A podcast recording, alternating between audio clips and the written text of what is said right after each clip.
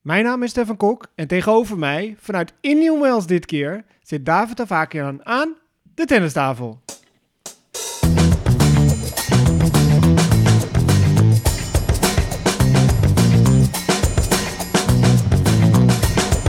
Please take your seats quickly, ladies and gentlemen.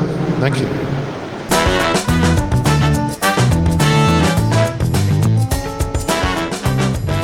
Goedemorgen David. Een hele goede vroege morgen, Stefan.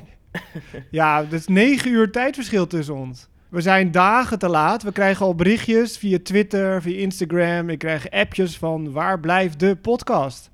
Er wordt nogal wat verwacht van ons. De druk staat erop. De planning is natuurlijk altijd om maandag op te nemen. Maar eh, met jouw reisschema en eh, ja, in dit geval ook mijn reisschema van afgelopen weekend was het gewoon niet haalbaar. Plus we wilden de mediadag meenemen in uh, Indian Wells, woensdag, waar jij aanwezig bent geweest.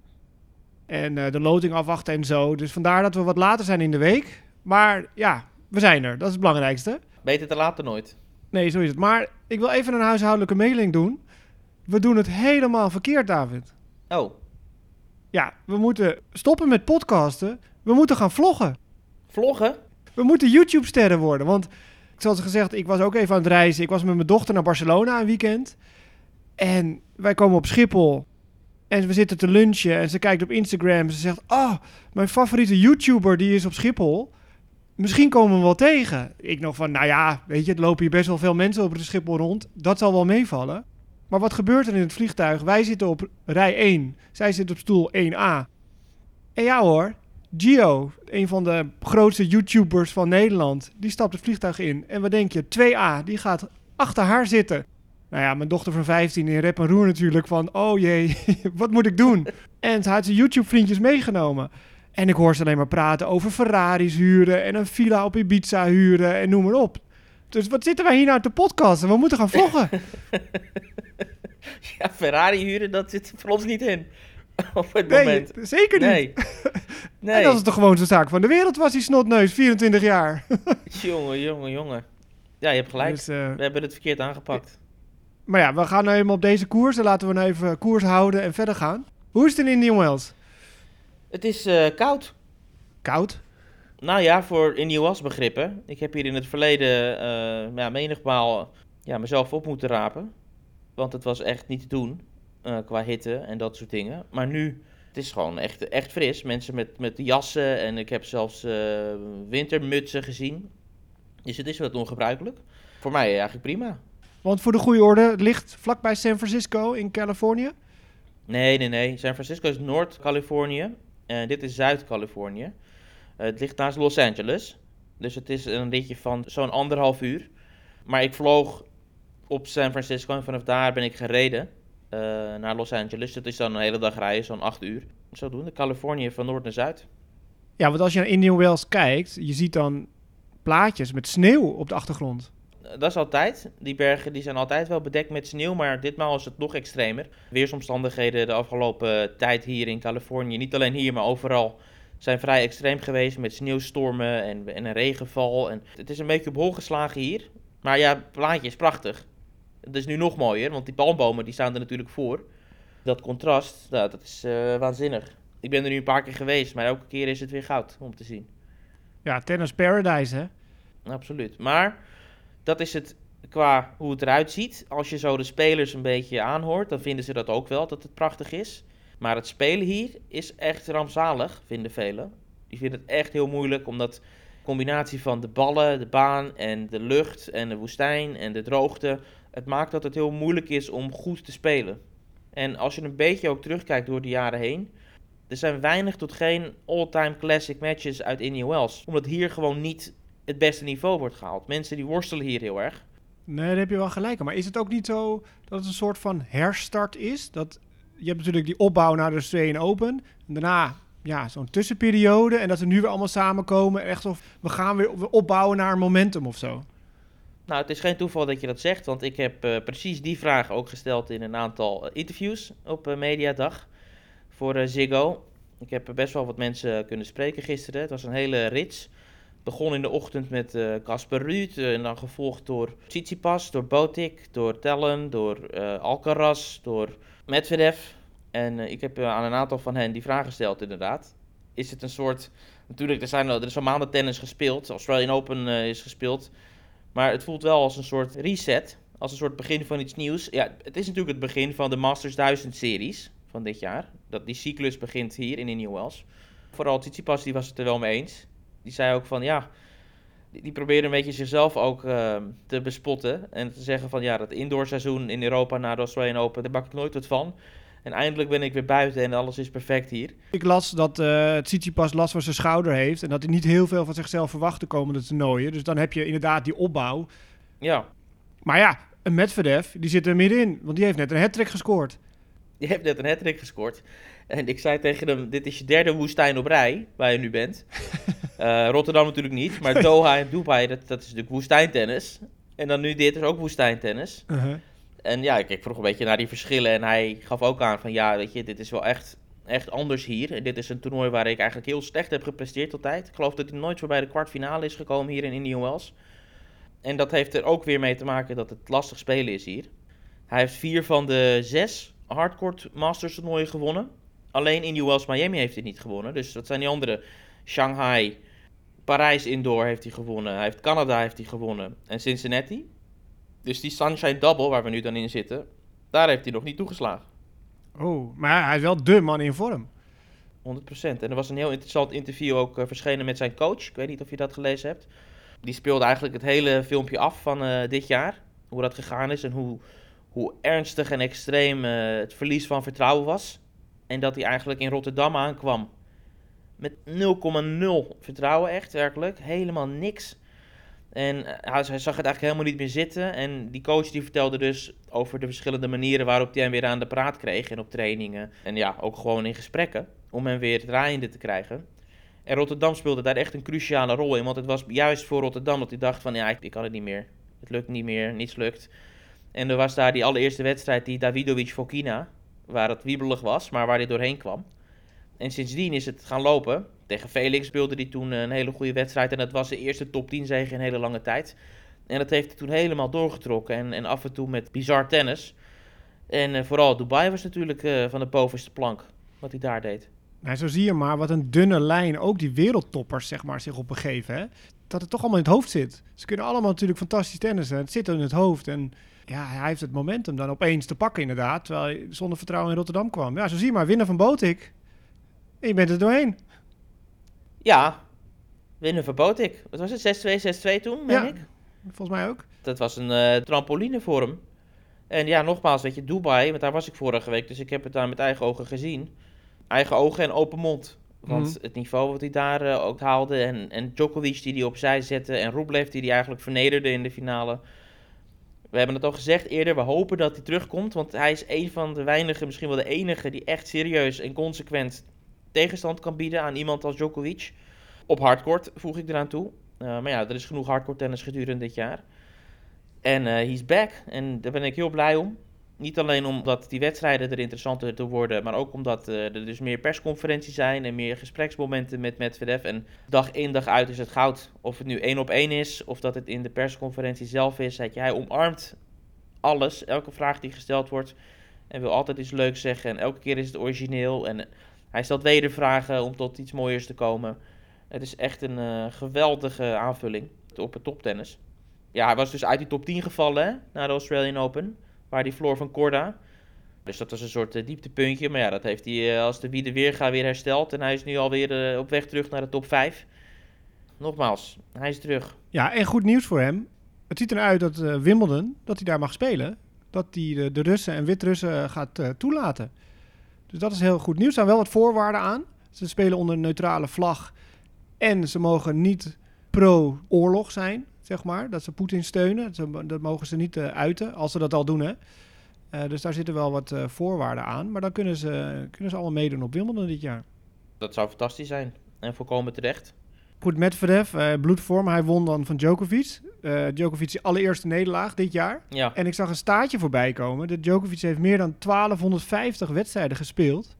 En het hoogste winstpercentage van alle toppers heeft 84% Ja, dat was Nadal lange tijd, maar dat is nu inmiddels ingehaald door Djokovic. Maar dit hebben we wel eens eerder over gehad. Die, die percentages liggen heel dicht bij elkaar. Het is echt uh, procentpunten nummer 2 en met Federer ook in de buurt daar. Maar Joko staat inderdaad nu op nummer 1. Ja, 84 procent. Dat is echt ongelooflijk. Van die 1250 plus wedstrijden. Ja, waanzin. Die wedstrijd tegen Medvedev was natuurlijk het grote affiche. Iedereen keek daar naar uit. Vol stadion. Iedereen echt dol enthousiast. En het was heel bijzonder om Djokovic weer eens een keer zo te zien worstelen. Mm Nou, wat we gezien hebben de afgelopen tijd. Natuurlijk eh, de loftrompet voor Medvedev. Hij zegt, ja, het is echt zo constant en die backhand. En het is zo'n atleet, weet je, vanuit alle hoeken en standen en met die afstanden. Nou, hij is gewoon zo lastig te bespelen. En zeker op de juiste ondergrond, zoals eh, wat we in Dubai zagen. En Rublev had ik het ook nog uh, aangevraagd van, ja, wat, wat is het nou precies? Wat is de moeilijkheid? Wat gaat er door je hoofd als je tegen hem speelt, als hij zo ver achter de baseline staat? Het simpele woord was uh, twijfel. Je krijgt het gevoel dat je al die opties hebt. Dat je hoeken kan maken, dat je dit kan doen, dat je dat kan doen. Maar doordat je dus gaat twijfelen aan welke slag geschikt is, ja, gaat het uiteindelijk mis. Daar profiteert mhm. hij van, van die twijfel. Ja, inderdaad, ja. Uh, nou ja, voor de goede orde, uh, Djokovic doet niet mee in Indian Wells en Miami. Niet gevaccineerd. Mag dus niet naar Amerika. Nou, dat is dus nu een beetje de vraag. Want er zijn berichten verschenen. Het blijkt dat het eigenlijk best wel kan. Ik kan ook uit eigen ervaring spreken. Niemand heeft op mijn trip vanuit Dubai naar de Verenigde Staten op enig moment gevraagd of ik gevaccineerd ben. Ik heb nu ook begrepen dat er suggesties zijn voor Djokovic om gewoon Miami te gaan spelen. Want op een of andere website van, uh, van een cruise ship of zoiets staat letterlijk van je kan gewoon via ons naar Miami reizen. Wij vragen helemaal niet om vaccinatiepapieren uh, of wat dan ook. En ik heb Goran Ivanisevic al horen zeggen dat ze er nog mee bezig zijn om het proberen om Miami te spelen. Dus dat zou een fantastische stunt zijn. Ja, ik denk niet dat hij zich daar heel erg populair mee maakt. Als hij per boot daar aankomt. Iedereen weet natuurlijk wie hij is en, en dat hij geen vaccin heeft. Kijk, dat ze David de Vaak ja. doorlaten, dat snap ik dan nog wel. Ja. Maar Djokovic. maar weet je wat ook opvallend is, wat ik gezien heb? De US Open heeft een sponsor erbij. Moderna. ja, dat wordt toch ook wat grappig. Er staat daar opeens Djokovic te spelen op de US Open en dan Moderna achter hem op de reclameborden. We gaan het zien. Bijzonder. Ja, ik wil nog wel over Dubai een ding zeggen. De prijsuitreiking. Nou, dat was waanzin en goud en briljant. Want het begon met Rublev, die als uh, verliezer natuurlijk iets moest zeggen. Die begon uh, Medvedev ontzettend te prijzen. En te zeggen van hoe fantastisch hij is en altijd al is geweest, want ze kennen elkaar al 100 jaar. Door dik en dun, door weer en wind, financiële problemen en, en alles wat hij heeft meegemaakt gedurende zijn leven. Altijd stond hij er, op de wedstrijdbaan, op de trainingsbaan, terwijl anderen het misschien veel beter hadden, maar steeds uitcheckte. Hij ging ervoor en dat hij het echt verdient dat hij hier staat en dat hij dit allemaal gepresteerd heeft. En Medvedev die voelde zich dus geneigd en gedwongen om in zijn praatje ook iets te zeggen naar Rublev toe. En wel gemeend hoor, hij was er niet op voorbereid, maar wel gemeend, want dat zijn gewoon hele goede vrienden. Maar die besloot om in dat praatje ook maar gewoon even Tsitsipas onder de bus te gooien. Zonder de naam te noemen. De aandachtige tennisvolger die zal nog weten wat er vorig jaar gebeurde uh, op de ATP Finals. Toen speelde Rublev tegen Tsitsipas. En Rublev won dat. Tsitsipas die zei vervolgens in de persconferentie iets van... Ja, ik heb verloren van iemand die eigenlijk maar een paar wapens heeft. En ja, nou, Rublev is niet de type om dan uh, uit zijn slof te schieten. Dus die gaat dan heel rustig daarmee om. Maar ja, Medvedev was dat niet vergeten. Dus die zegt dus in zijn prijsuitreiking in Dubai... Ja, er was zo'n speler die vorig jaar zei dat, uh, dat Rublev niet zoveel ervan kan. En uh, nou ja, ik wil even hier rechtzetten dat het een fantastische speler is. Naast dat het als persoon echt de allerbeste kerel is die tegen kan komen. En ik hoop dat hij heel vaak gaat winnen van die vent die dat zei. ja, die, die spelers die krijgen echt wel alles mee, hè? Ze zeggen wel, we lezen niks, maar uh, ondertussen. Het was bijzonder dat dat dus in de prijsuitreiking op de baan uh, gebeurde. Weet je, als het in de persconferentie gebeurt zoiets, is, is het ook lekker. Ja, hier kan niet uitgeknipt worden inderdaad. Dat moet gewoon live uitgezonden. ja. Heerlijk. Het lijkt alweer zo ver weg, inderdaad, Dubai. Ja, niet qua afstand kilometers, maar ook qua dagen. Want die finale was op zaterdag en we zitten nu alweer bijna aan het eind van de week. Ja. Indian Wells duurt natuurlijk een dag of tien. Hè? Woensdag begonnen en dan uh, volgende week nog de hele week. Wat me wel opviel, als ik even naar de Nederlanders mag gaan. Botik en Tellen geplaatst. Dus die starten in de tweede ronde. Botik treft een uh, goede bekende voor de derde keer dit jaar tegen Ivaska. Ja. Die Ivaska zal gek geworden zijn, want hij heeft nog niet kunnen winnen van Botik. Nee, dus die zal uh, niet met al te veel vertrouwen, denk ik, die wedstrijd ingaan. 0 uit 2 voor de man uit Wit-Rusland. En ja, op de Australian Open was Botek ook helemaal niet fit. En toen lukte het ook om te winnen. In Doha was het eh, echt gewoon een maatje te groot. En heb jij Botik gesproken? Hoe staat hij erop? Ja, hij zegt dat hij zich goed voelt. Fysiek staat, is het nu voor het eerst dat hij ook geen, geen last meer heeft van het been. Dat hij ook weer terug aan het gaan is naar twee keer per dag trainen op toernooi. Het is ook het enige Masters toernooi dat hij nu voor de derde keer gaat spelen. En dat heeft er alles mee te maken dat hij eind 2021 al hoog genoeg stond voor die herfsteditie van Indian Wells door de corona. Dus zijn eerste Masters toernooi wat hij ooit speelde was Indian Wells 2021. Het tweede Masters toernooi dat hij ooit speelde was Indian Wells weer 2022, maar dan op de normale positie in de kalender. Ja. En dit is dan de derde keer dat hij mee gaat doen. En het is het enige Masters toernooi waar hij ooit de derde ronde heeft gehaald. Oké. En vorig jaar flikte hij dat door die prachtige overwinning op Felix. Mhm. Dat was een mooie wedstrijd. En dat is tot dusver zijn beste resultaat geweest op de Masters. Hij haalde de kwartfinale in Dubai. Verloor uiteindelijk van Rublev, die echt, echt wel heel goed speelde. Botik zelf eh, pakte zijn kansjes niet, die waren er wel. Maar ja, Rublev was echt gewoon eh, in goede vorm. Ja. Maar ja. Botik eh, speelde daar goed in Dubai. Won van Gatchanov. Ja, prima resultaat voor hem. Kwartfinale. Dan hebben we Tellen, zoals genoemd, 31 geplaatst. Hij weet op dit moment zijn tegenstander nog niet. Die komt uit de wedstrijd tussen Guido Peja en Thiago Montero. Ja. Nou ja, dat lijkt me op papier ja, te doen natuurlijk voor Tellen. Mits ze die ballen voelen, hè, want beide gaven aan dat het echt lastig is. Ze hadden ook met, eh, met Andy Murray getraind en die was zich ook druk aan het maken. En die zei, ik speel hier al 100 jaar, maar nog steeds pak ik er niks van. Ik heb hier nooit goed gespeeld in mijn leven. En ik kreeg een beetje de indruk van de jongens dat ook zij er wat moeite mee hebben. Maar ja, nogmaals, Botik die heeft in het verleden zo goed gespeeld hier. Maar er is iets met die ballen ook. Ik, ken de details niet per se. De ballen die zijn weer raar. Ja, maar dat hoor je dat niet elke week. Ja, Ja. Welke baltype is dat dan? Welk merk is het? Ben zijn ze weer bij. Dat is een soort head, volgens mij, valt Dit onder is head. America's number one ball, staat er op de kokers. Hebben ze maar één bal? Ja, Ja, dat schiet niet op. daarom duurt het toernooi twee weken. ja, precies, ja. ze hebben ook maar één ballen, jongen. Ja, Maar goed, Oh. als Tellen dat mag winnen, dan eh, staat Alcaraz op hem te wachten. het is ook een oude bekende. Ja, over Tellen gesproken. Ik las ergens, of ik hoorde ergens, dat hij Miami denkt over te slaan. Ja, dat heeft hij ook tegen mij gezegd. Dat hij dat misschien gaat laten, zodat maar- hij zich maximaal kan voorbereiden op het greffel.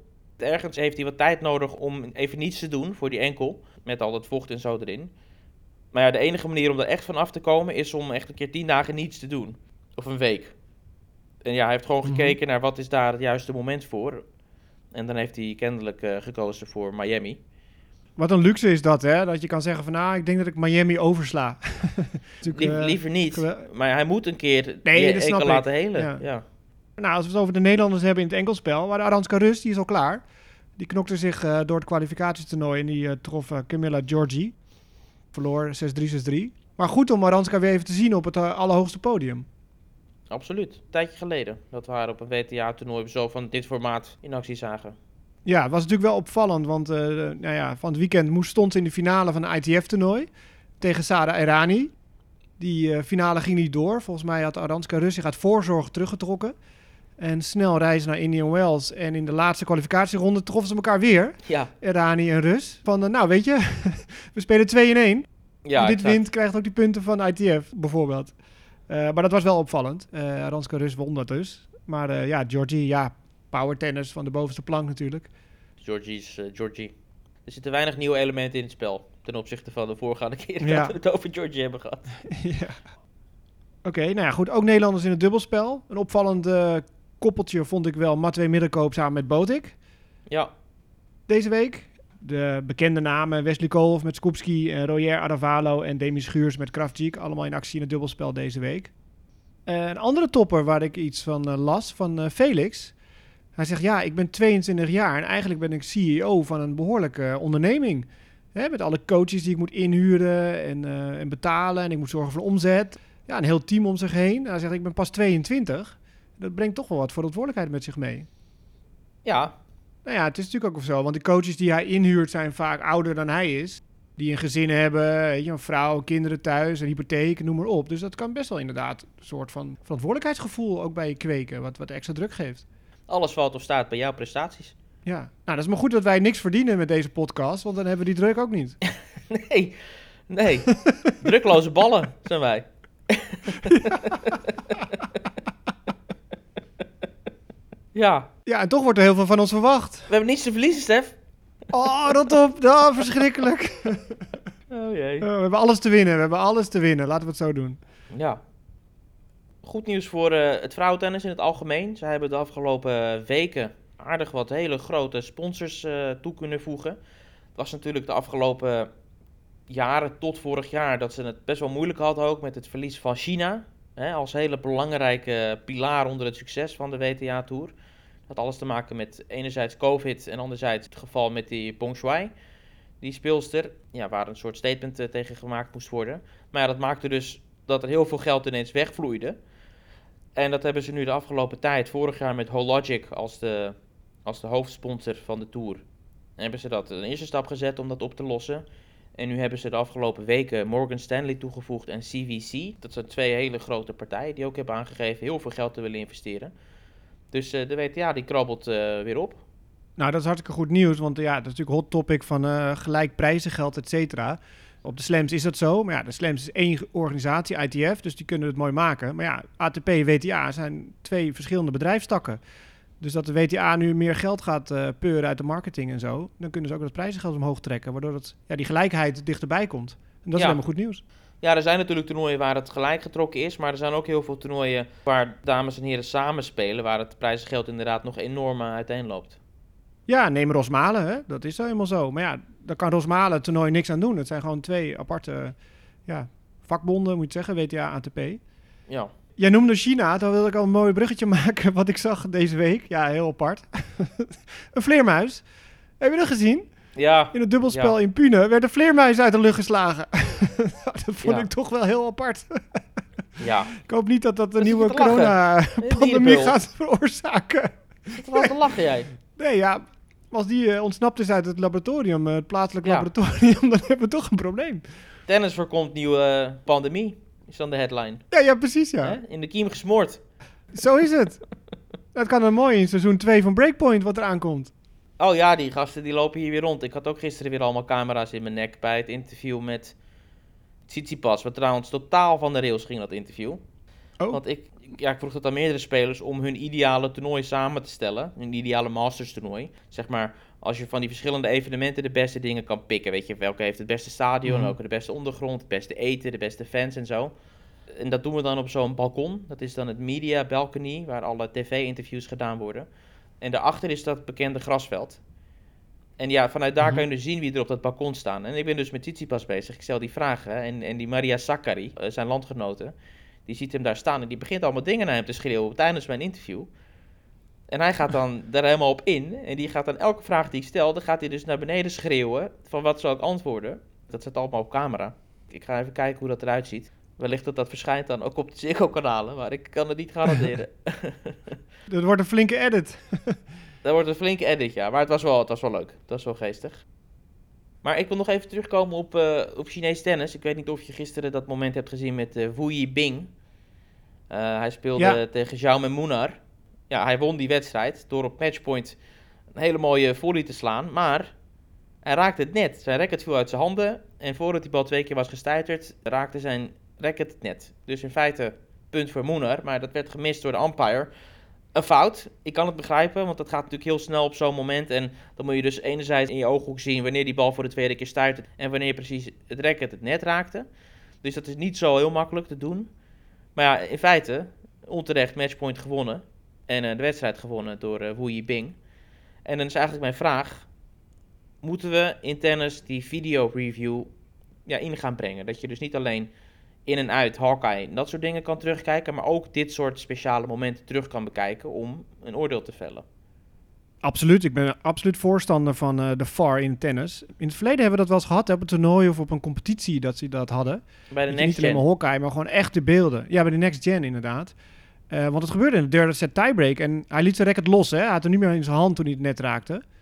Eh, maar dan kan je ook de vraag stellen van, moet die bal twee keer gestuiterd hebben voordat hij klaar is? Want hij was al voorbij aan Munar.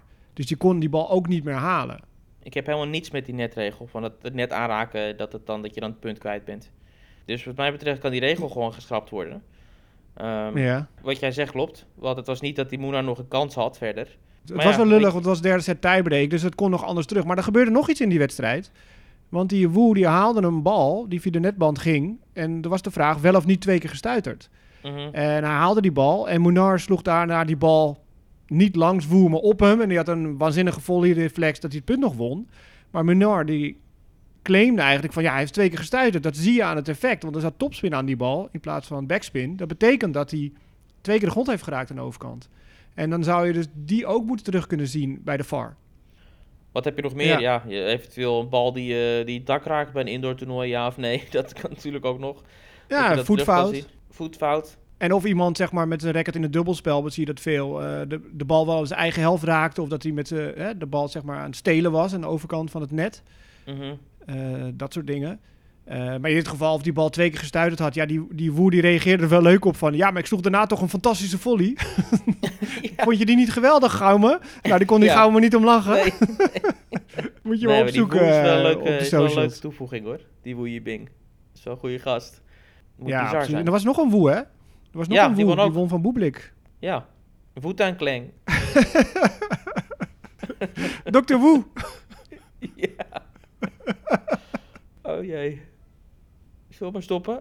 Ja, we worden melig, hè. Ehm, ja, jij gaat een hele dag nog te, tegemoet. Ik ga zo Ja. zelf de baan op. Ik eh, ben al flink in training voor de voorjaarscompetitie. Maar ja, de gravelbanen die eh, lijden hier onder de, onder de koude temperaturen. Ja. Want in de nacht vriest het gewoon hier in Nederland.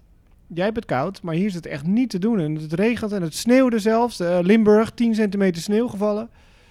Heel bizar. Maar goed, over een paar weken is het al zover. De competitieindeling is bekend voor de mensen. Dus ze kunnen allemaal op de KNTB-website kijken en analyseren waar moeten we allemaal heen. Ja. Dus dat seizoen staat hier voor de deur. Eh, volgende week maken we een nieuwe aflevering, uiteraard. Maar wanneer het is, dat blijft een verrassing. Ook voor ons, volgens mij. Ja, absoluut. Maar hoe dan ook, we zijn er volgende week weer. Dus bedankt voor het luisteren en tot de volgende keer.